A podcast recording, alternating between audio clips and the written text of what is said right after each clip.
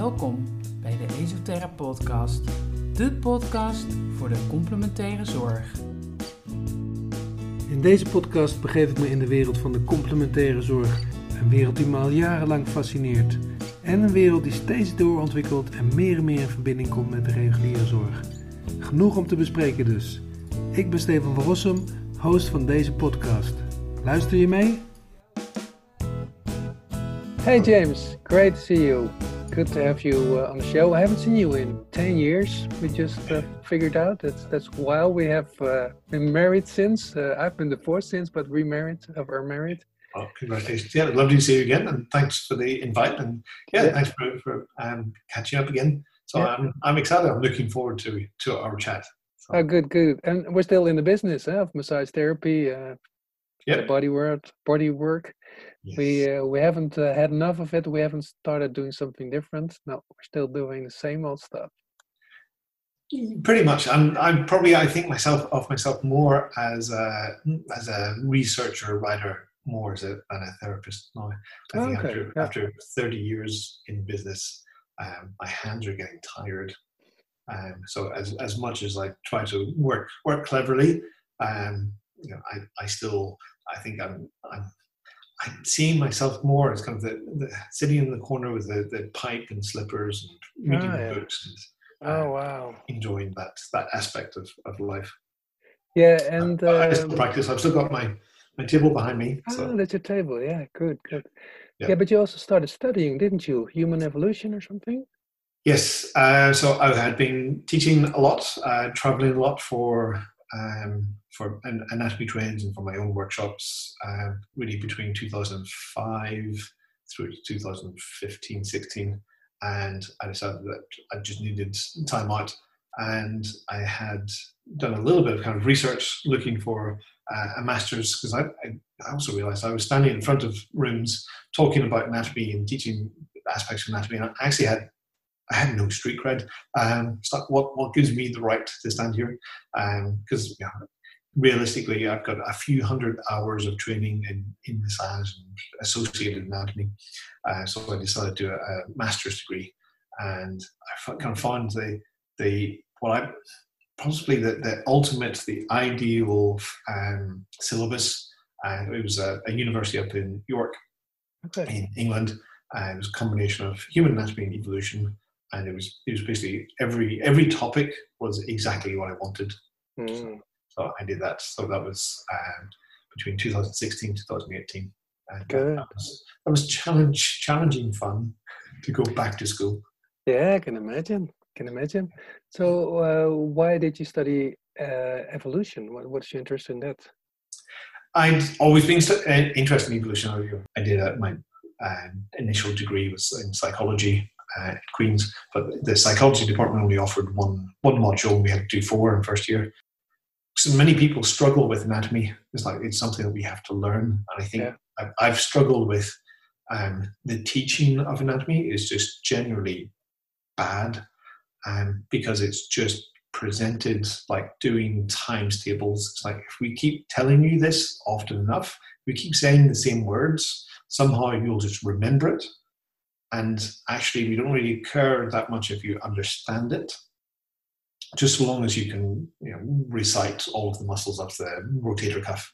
Um, I think to really empower therapists to be able to see movement and the complexities that we get frustrated by, because you know, most therapists I've come across have voiced some degree of the frustration of going through anatomy and then learning it all, coming out into practice and going, oh bugger, I actually it doesn't make sense. I it, that what I've learned in, from the, the, the pictures that I've seen in the books, the words that I've you know memorized, and then trying to see what's going on with the client. It's like it's, it's yeah. two different world, worlds.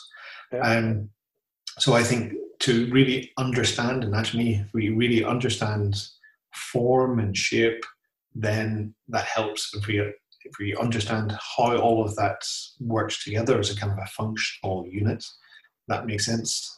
Um, and so I just found a, a book by a, a, a, colleague of my previous professor, a guy called Charles Oxnard. He said that to, to really understand anatomy, we shouldn't be learning anatomy. We should be learning function. We should be learning evolution. We should be learning um, neurology. We should be learning all of these other allied factors because it doesn't. It just doesn't make sense in and of itself.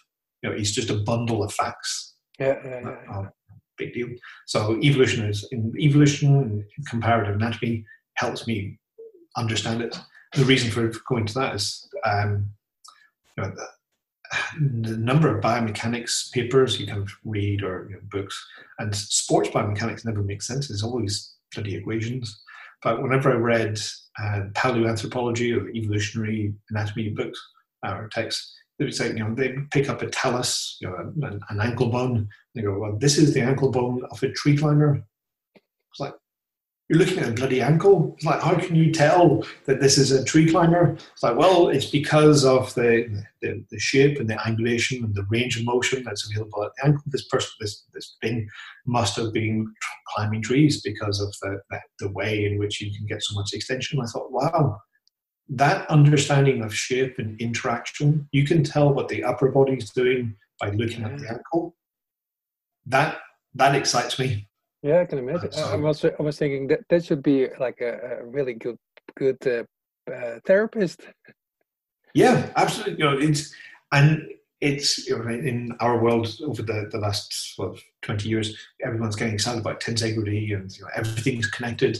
And we know those words, but we don't have the, the, the language to put it all together. And so, I, you know, the, the, the ability to understand upper body mechanics through one bone of the of the ankle. It's like, well, that that to me is you know, saying something about the, the tensegrity and the integrity and the connection and the abilities of the of the whole structure. So so off I went to to learn a little bit of evolutionary comparative anatomy, and I've been boring people ever since. Back to school, yeah. Well, um, um, but I mean, it, it is interesting because we bring a lot of uh, evolution, a lot of history before we were humans into our daily movements, right? Mm-hmm. And our daily functioning. Yeah, but it's it's our our progress you know, and, and even progress is, is the wrong word because it wasn't progress. It's just you know, evolution is just change over time. It's not you know, we have the, the idea that we've progressed and we're somehow super fantastic and the elite, and and you know, at the same time killing ourselves. Um, so it just it's change. You know, evolution is just change over time. So so by understanding what that process was, allows us to understand what we can do at the moment. You know, it's basically where did we come from yeah. And you know, what were the what were the abilities of you know, the, the previous iterations of our form, and and and why did this, those change? Why and how did those changes come about? So they, yeah. they all have different different um, different meanings, different um, um, opening. They they opened different potentials um, in our movements. Um, I also read somewhere you said, uh, yet scientists still aren't sure why we evolved to walk as we do. Can you uh, uh, elaborate on that? Uh, why do we walk? Um, yeah, well, it's, it's one of those in, impo- is it an impossible question to answer for sure. We can say of the benefits, we can say, yep, you know, so walking upright lets us see over tall grass, it frees up our hands, um, it exposes less um, skin to sunlight, so it reduces uh, temperature um, or facilitates temperature control. Um, it's very efficient, and this is part of my story. It's very efficient as a way of uh, locomoting because we're upright. And if you if you pitch forward, um, walk on all fours, it's actually quite it's metabolically expensive. Um, so as a as a walking biped, we can go further with fewer calories. So it's basically we're we're an efficient Volkswagen and compared to a you know, gas guzzling American 50s automobile.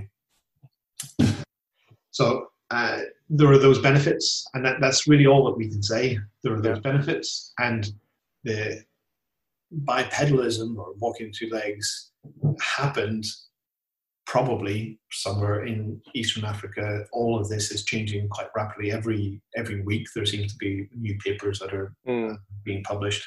So forgive me if I'm, I'm, not fully up to date on exactly what's happening, but it seems to be, or at least the standard story was, uh, bipedalism seemed to develop in and around Eastern Africa at a time where the um, uh, there was a reduction in uh, tree coverage, and so there was less fruit on the trees and more distance between each tree that was actually providing some calories, some shelter, some support, and so walking became a potentially a good thing.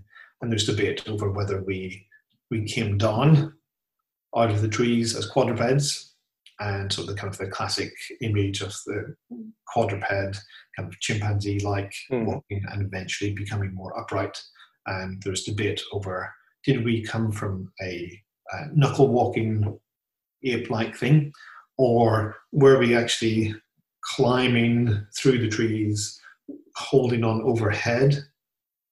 And that actually helped kind of with some of the early adaptations to being upright. So yeah, that debate was again not settled, and there were there were very very clever, very well educated people on either side of that debate that will argue with a lot of detail yeah. on the benefits and the rationale behind their argument of quadruped to biped or suspensory locomotion to biped. Yeah, so, yes. Well, um, and the last last thing I ask you about the evolution arm, but it's my personal uh, interest. I keep uh, bothering every, everybody about it, and uh, they come into my class for for body work and massage, and I start with evolution. Um, have you ever heard of Mabel Todd? I have. I've heard. Yes. So, so I, I would swear I read somewhere that she said that 80% of her injuries come from starting to walk upright, but I've never been able to find it back. I thought it was challenging quote. Eighty percent of it. Challenging quote. Um, I think it some. It sounds like a belief rather than a fact. It sounds so. My reaction to it, it's uh, it's uh, an anatomy story you know, I think we have a lot of anatomy stories that we're exposed to through social media, and, and I know Mabel Todd kind of predates social media, but you know, the, it's like your your SI joint. You know, my current one of my current things is, you know, as an example of an anatomy story, um, if your SI joint is screwed, if your low back is playing up, if you've got a knee problem, if you've got a foot problem, it's all because your glutes aren't firing. It's like it's it's so much more complex than that it's not just glutes firing. There's a lot of other things that we need to look at in this complex structure. Um, so to, to kind of simplify things, it's it's it's a such a tempting thing to do, just kind of simplify things into one one kind of nicely neat little bundle. Um, whenever I was learning my body work, I was taught, oh well, anything it depends which book you read. Uh, early '90s, everything between 85% and 95% of all illness was due to stress like mm. stress. We were all dying of stress in the early yeah. 90s. Yeah, yeah. And, and, now we're dying of weak gluteus maximus. Last year it was because we are sitting around, and but that maybe that sitting is because, and so as I, I, I take all of the those things with a kind of great, maybe say, grain of salt. Uh, yeah. Yeah, I can imagine. Well, uh, I mean, if you look at the psoas, it, it looks like it's not. It looks more more logical when you're a, when you're a quadriceps, a quadriceps that right word? Yep. Um, a quadruped. Um, so, yeah, well, yes and no. I would say that the psoas, in in the way that it probably works for us, is is, is brilliant. Is is perfect. It's it's already kind of pre pretensioned because we've come up into that extension. And I know there's a lot of debate in the in the literature. You know, is it is it a hip flexor? Or is it not? And and part of me, I was like, I don't care. I don't think it's like you know that that's another to me that's another anatomy story. There's always a hip flexor. I would say, oh, actually, in in my thinking, it's one of its prime roles is not to create hip flexion, is to control and decelerate extension. And and you know some of the papers say, "Oh, it's not a hip flexor; it's a sta- stabilizer of the low back." Mm-hmm. Well, hold on. It's coming to the upper femur, it's decelerating hip extension, and it's attaching onto the front of the lumbar bodies. I go, fantastic. Well, I'm going to get lumbar stability because it will kind of approximate the front of those um, bones as I go into extension.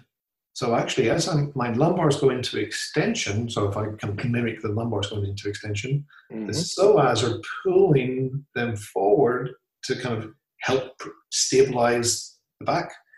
Right. I, I think that's, that's you know, perfect design. Um, it's kind of doing two jobs. It's decelerating the, the extension, stabilizing the low back, hopefully loading some kinetic energy ready yeah. for toe release. Yeah. To me, that that's one of my frustrations with a lot of the anatomy literature is that they do the research based on anatomy. They don't do the research based on an understanding of what what is the actual the normal everyday life function. Yeah, yeah, yeah, yeah. function.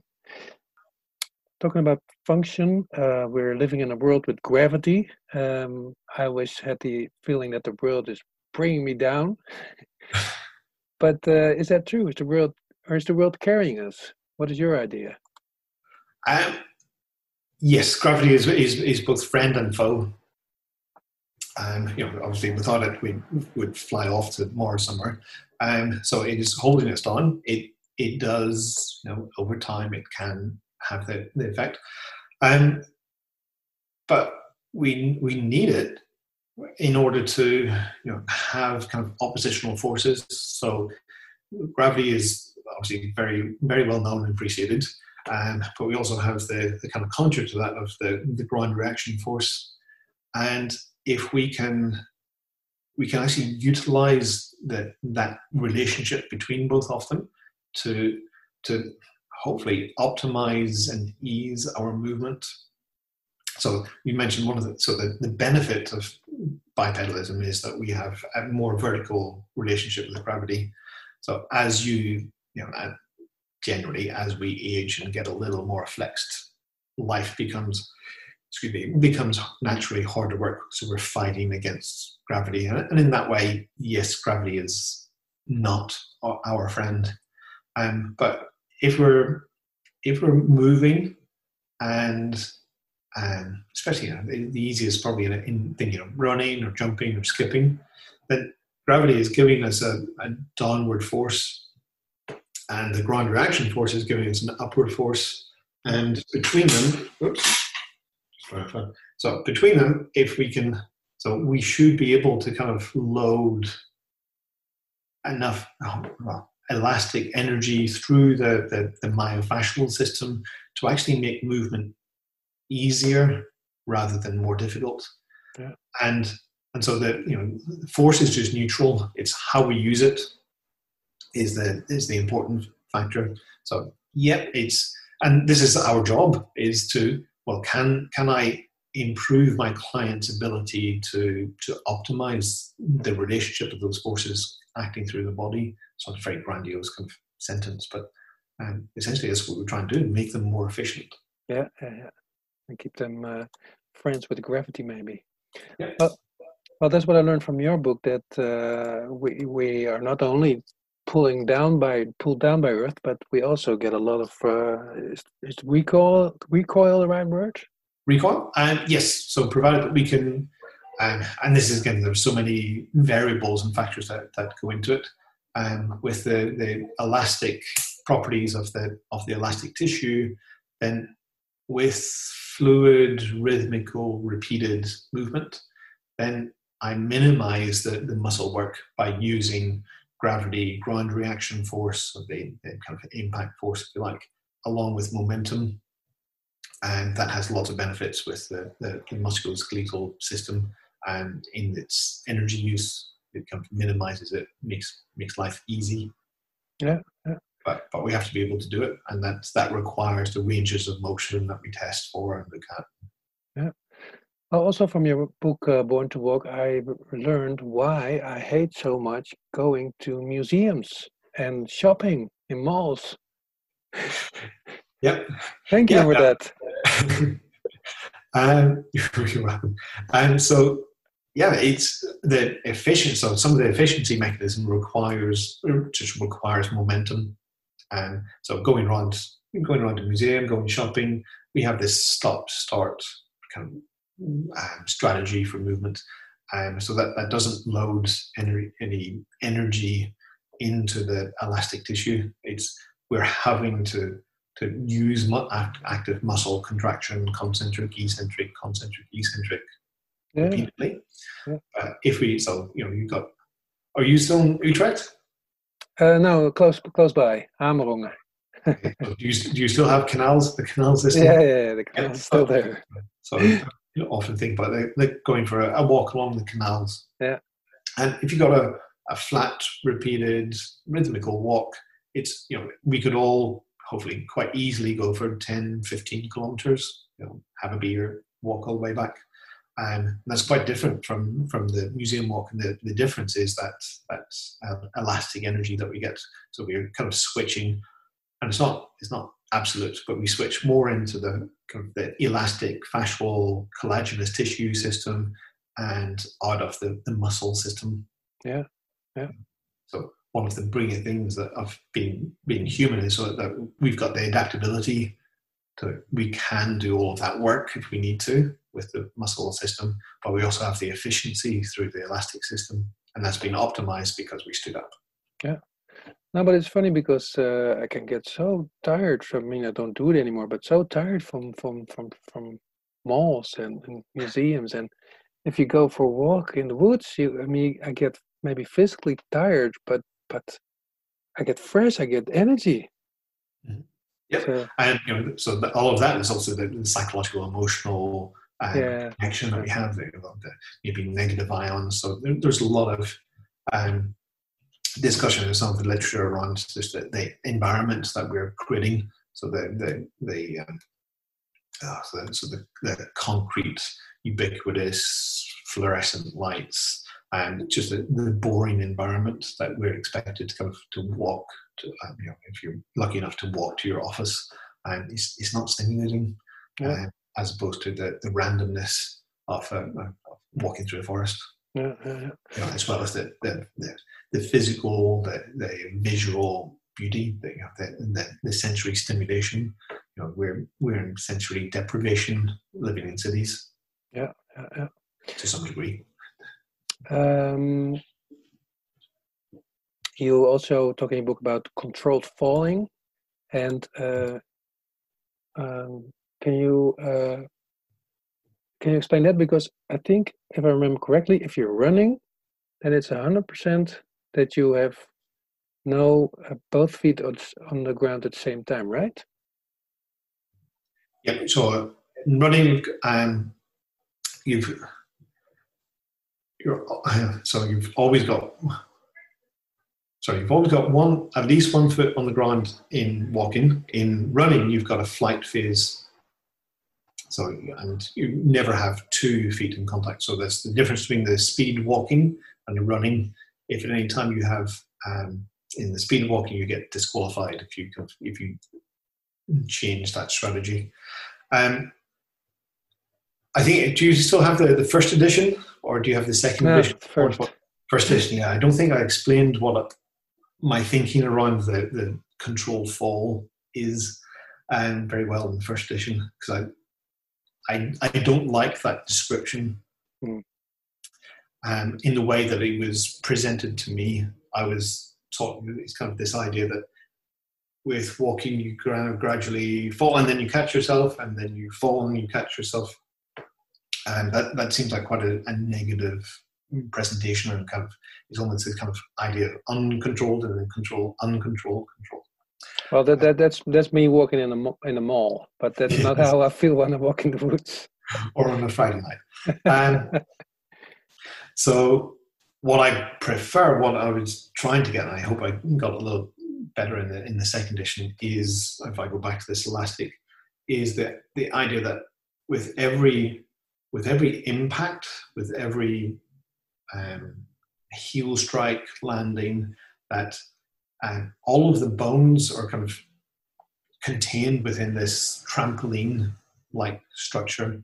So they kind of they have this little bounce. Yeah. So, and it's the bounce, so the the kind of the controlled fall that gives an, another efficiency mechanism.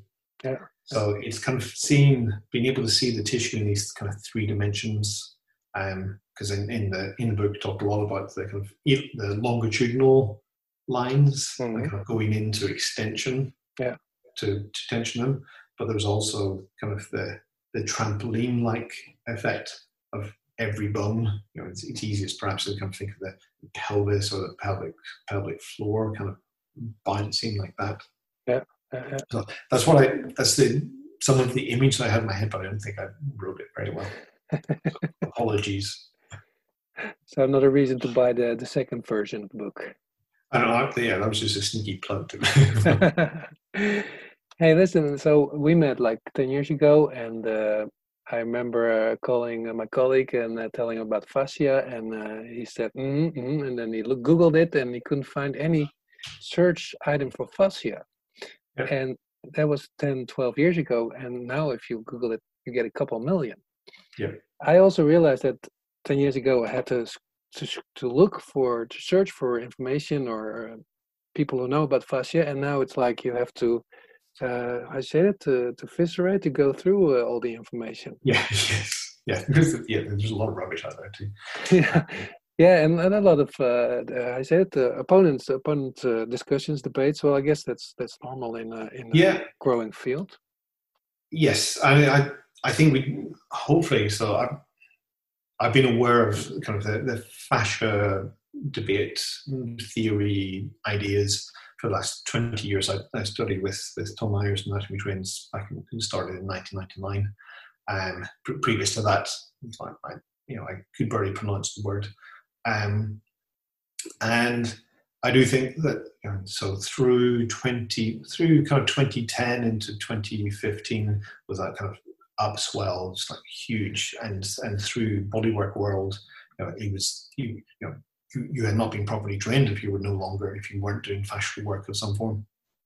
Um, and the whole world is you know in bodywork and movement worlds talking about fascia, Hmm. and uh, I think that has been a useful phase to to kind of go down this rabbit hole of fascia. And I think now it's time to have a more mature understanding of it because, like any other system, you know, one of the attractions of the fascial system was, oh, it's it's not all about the muscle. We can kind of ignore the muscle and we can talk about the fascia. Yeah. And realizing actually we can't. It's not all about the bloody fascia either. It's like it has no integrity in and of itself. It requires, you know, it's kind of one of my friends talked about the ecology.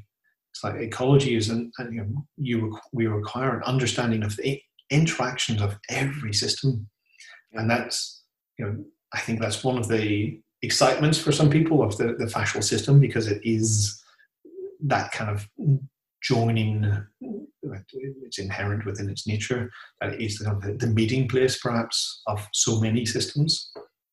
But yet, it's like, well, we can't understand the fascial system if we don't understand the rest of the systems either. So Mm. we need a more a more mature approach. I think you know we benefited a lot from the from the focus, from the Yeah, yeah. trying to develop the, the language.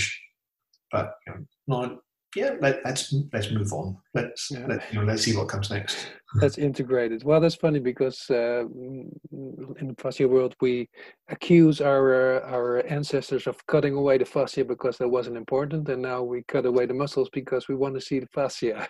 Yes. You know, yeah, it, it's just it's the same argument from it, but from a different different angle.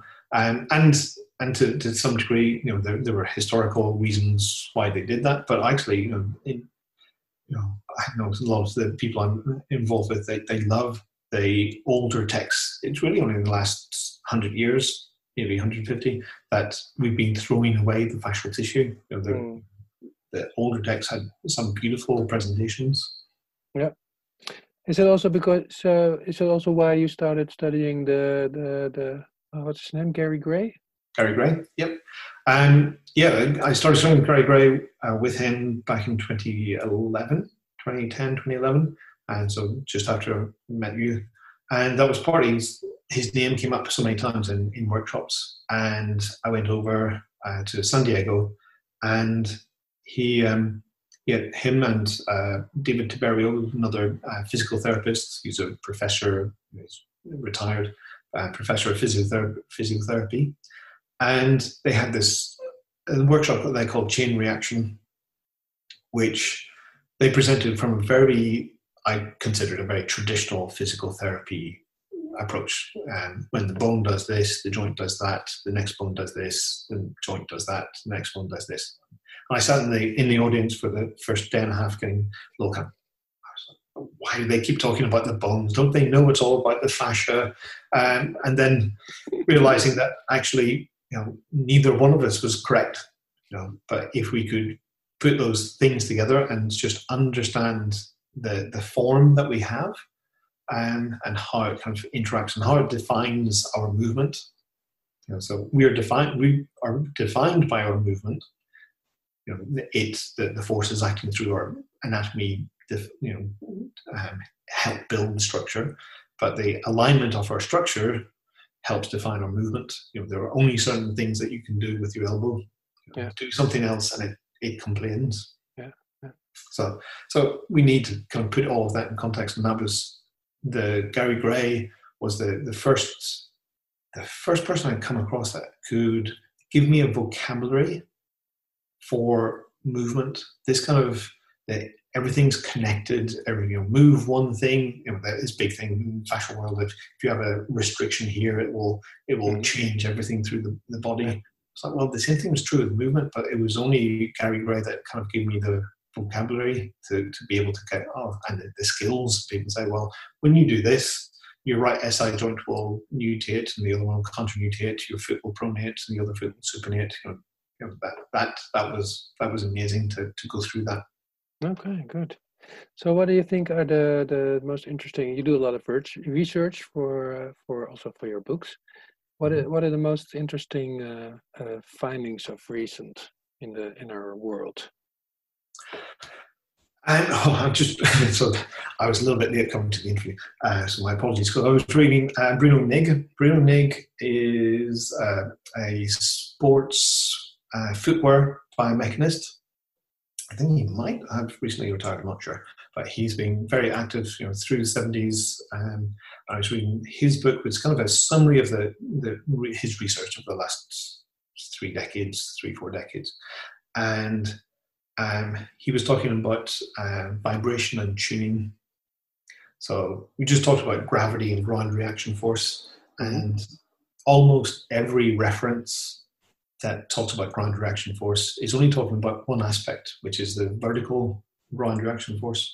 But if I hit the ground at an angle, there's also going to be a force horizontally as yeah. well as vertical. So there, you know, there's just the force, but we, we, can kind of be broken down, and that sets up all kinds of necessities and within the soft tissue um, of the, the body to to dampen vibration, to control vibration, mm-hmm. and so he, it was actually him that's done a lot of the, the development of this this work. And I was at a, a running conference um, last October, so nearly a year ago. And there was another um, uh, orthotic specialist, um, guy called Simon Bartold, and he discussing the new footwear by Nike that was used by Kipchoge that broke the two-hour um, marathon record. Yeah. And so look, looking at the new footwear, and he didn't know exactly because it was all top secret with Nike, but his analysis was there was probably something in the footwear that was controlling the vibration. There was mm. damping vibration because the, the damping, the controlling um, of vibration is hard work on the muscles. And so that's that's going to be my new exciting interest and to kind of venture further into it because it's it's also it's it's not it's not fully developed in the in the literature yet. It's okay. it's still kind of new stuff. Um, but but being able to see that and that that that brings in again the roles of the fascial tissue and the compartment tension and um, pressures. So it's kind of, again just kind of bringing the, the story a little bit more, um, a little wider, and and drawing some strands together. So so vibration. Cool, my- cool. Vibration is the the next thing to look at. yeah, I'll, I'll, I'll Google it again. Yes. So um, muscle tissue vibration. Muscle tissue vibration. Hey, and by the way, uh, question in between. Uh, you you must read a lot, right? I want. Just a little. How do you get all the research done for your book? Oh, see, let me see it again. Sorry, I was just looking at my notes. Oh wow, that's your treasure chest. yes. yes. Um, well, this is you know probably we mentioned at the, the start. Right? I'm I'm less of a practitioner and more of a reader. hmm Um, so it's you know I, I just I, you know one book leads to you know, ten others. You know one paper. Um, um, is why I don't can't do a share screen uh, or screen share. I've got about twenty research papers that I have open on my on my desktop. Um, and that, you know, that's you know, they'll be cut down hopefully. And that was just you know I opened one paper and it had links to other related papers and they're all really interesting and um, so I I try to if I can be a a, a middle person. You know, for me, there's the, the, the average practitioner who just wants to do the, the right thing, the best thing for the, the, the, the their clients, and then there, you know, there's the, well, probably not the best example, but there are the researchers who have no idea of you know what a client is. Yeah, yeah.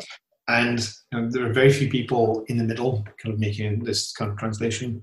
So I've just kind of hopefully made a niche for myself of kind of for those that are interested in um, form and function and evolutionary comparative anatomy. Um, and just that that's that's where I'm interested. That's where I'm, I get excited to be able to kind of draw those those threads together. Good. Um, so it's it's not a chore for me to sit down, read a book, and and try and imagine where, where the connections lie between this and and others. Um, uh, I think mentioned Bruno Nigg. He- His book is not not an easy read. Um, if you were interested in evolutionary comparative anatomy, um, Daniel, obviously Daniel Lieberman, um, you'll be familiar with the Born to Run. So he's done a wonderful book, the, the story of the human body, uh, and he has another book called uh, The Evolution of the Head, Human Head. Don't don't buy it. it's, it's about this thick, oh really? yeah, and it's so essentially it would be it would have been the a guidebook for my master's um, um, uh, program. So unless you want to do a master's program, don't buy it. Um, If you want a, an easy read with a glass of wine, I love- of the body. I love it when people dig into such a such a yeah such a small thing and and make a book out of it this big. Great. Well, uh, thankfully, it's not all on the, the human head. There's a lot of kind of, kind of background theory. Yeah, probably whole, whole libraries. I'll keep up the good work, James, uh, and we'll keep reading it. Yeah. Well, What's the what's the most the best question I've got to ask so far? Hmm.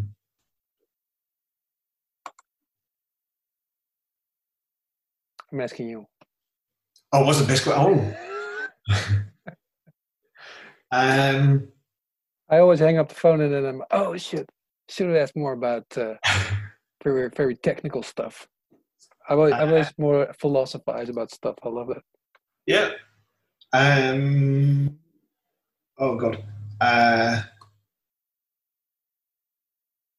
let's see. Why is fibularis brevis the most important muscle in the body? All right. Because um, you know, then this is just you know, sort of. I, I, I mean, I, I know a lot of people write books about the psoas. That's like the, the, the most the- popular muscle. yeah, this, this is my counter to that. Is like, it's why is everyone talking about the bloody psoas? Because it's Yeah. just one muscle that's de- dependent on every other muscle. So, like, Well, I, that's, that's I have the same thing. So I, I am I'm I want to have more attention to the latissimus dorsi. Yeah, it, it's like you just pick it's more interesting? Yeah, you know, I, I, I'm sure you've come across it. There's the the old kind of story joke of the the, the parts of the body having an argument over who was the most important, and the brain said it was the most important, the heart said it was the most important, yeah. the stomach said it was most important, and eventually the anus said it was the most important, and and so yeah, you know there, there is no one most important thing. But now the question to uh, the, the answer to your own question. Well, if I would, if I were to write my book and was like going to justify and speak out for the, the peroneus or Fibularis um, because it's attaching to whoops. So because it's attaching to the styloid process of the fifth metatarsal, so as we go through into ankle dorsiflexion, so if I, I heel strike ankle dorsiflex, if I ankle dorsiflex, and if peroneus fibularis brevis is short, it's going to pull mm. that foot into a lateral rotation as I go eventually up into toe extension. If I go into toe extension with a lateral rotation, that's going to potentially influence the mechanics. and influence, I use that carefully because the influence of mechanics doesn't mean pathology, it just means something's changed. And it's going to influence the mechanics of the ankle, at the knee, and at the hip. And if I mess up the mechanics at the hip, guess which muscle I'm going to mess up? the psoas. Yeah. So the psoas should be really grateful to the fibularis brevis because if it wasn't for it, it wouldn't be fed properly. well, that's. I'll I'll tell the world. I'll tell the world. Speak out and support fibularis brevis. Let's meet another 10, 10 years and see if we can uh, decl- have, the, have declined the, the role of the psoas, the, the popularity, and, uh, and made other pub muscles more important. hey, James, I want to thank you a lot. It's been a pleasure. Thank you. I think we had enough. I hope people can uh, can understand it in Dutch, but uh, in, uh, it's a podcast, so I'll uh, I'll make a transcript or something. But um, it was great talking to you, man. Likewise, thank you. Great yeah, talking to fun. you, and uh, great stuff you're doing the research. So because uh, I can't, but I'll uh, keep reading the books. Why not? it is just a matter of reading. Uh, reading your books is difficult enough for me as it is, man. yeah, right. Unfortunately, so too much of the, the research is in English. Yeah, yeah, yeah. Well, there's, there's no way around it. It's all English. Yeah. Well, actually, I discovered that we have quite some Dutch uh, uh, scientists, uh, Huying and uh, Jaap mm-hmm. van der Wal uh, had in my podcast. Uh, so that's that's, yeah. That's... excellent. Oh, big names. Yeah. Hey, uh, James. Um, thank you very much. Um, I'll hope to see you soon, man. I hope so. Hartelijk dank voor het luisteren naar de Esoterre podcast. Deze podcast is te beluisteren via SoundCloud of Spotify. Als iemand kent die het ook wil horen, geef het SVP door. En heb je nog tips, opmerkingen? Laat het me weten. Dankjewel.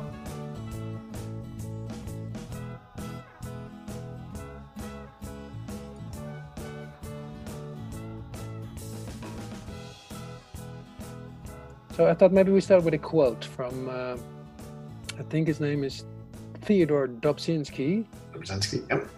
Nothing in biology makes sense except in the light of evolution. And then you have to respond to that. Is that, is that, a, is that a good start? That's a good start. Uh, so, All right. we, have we started? take take one.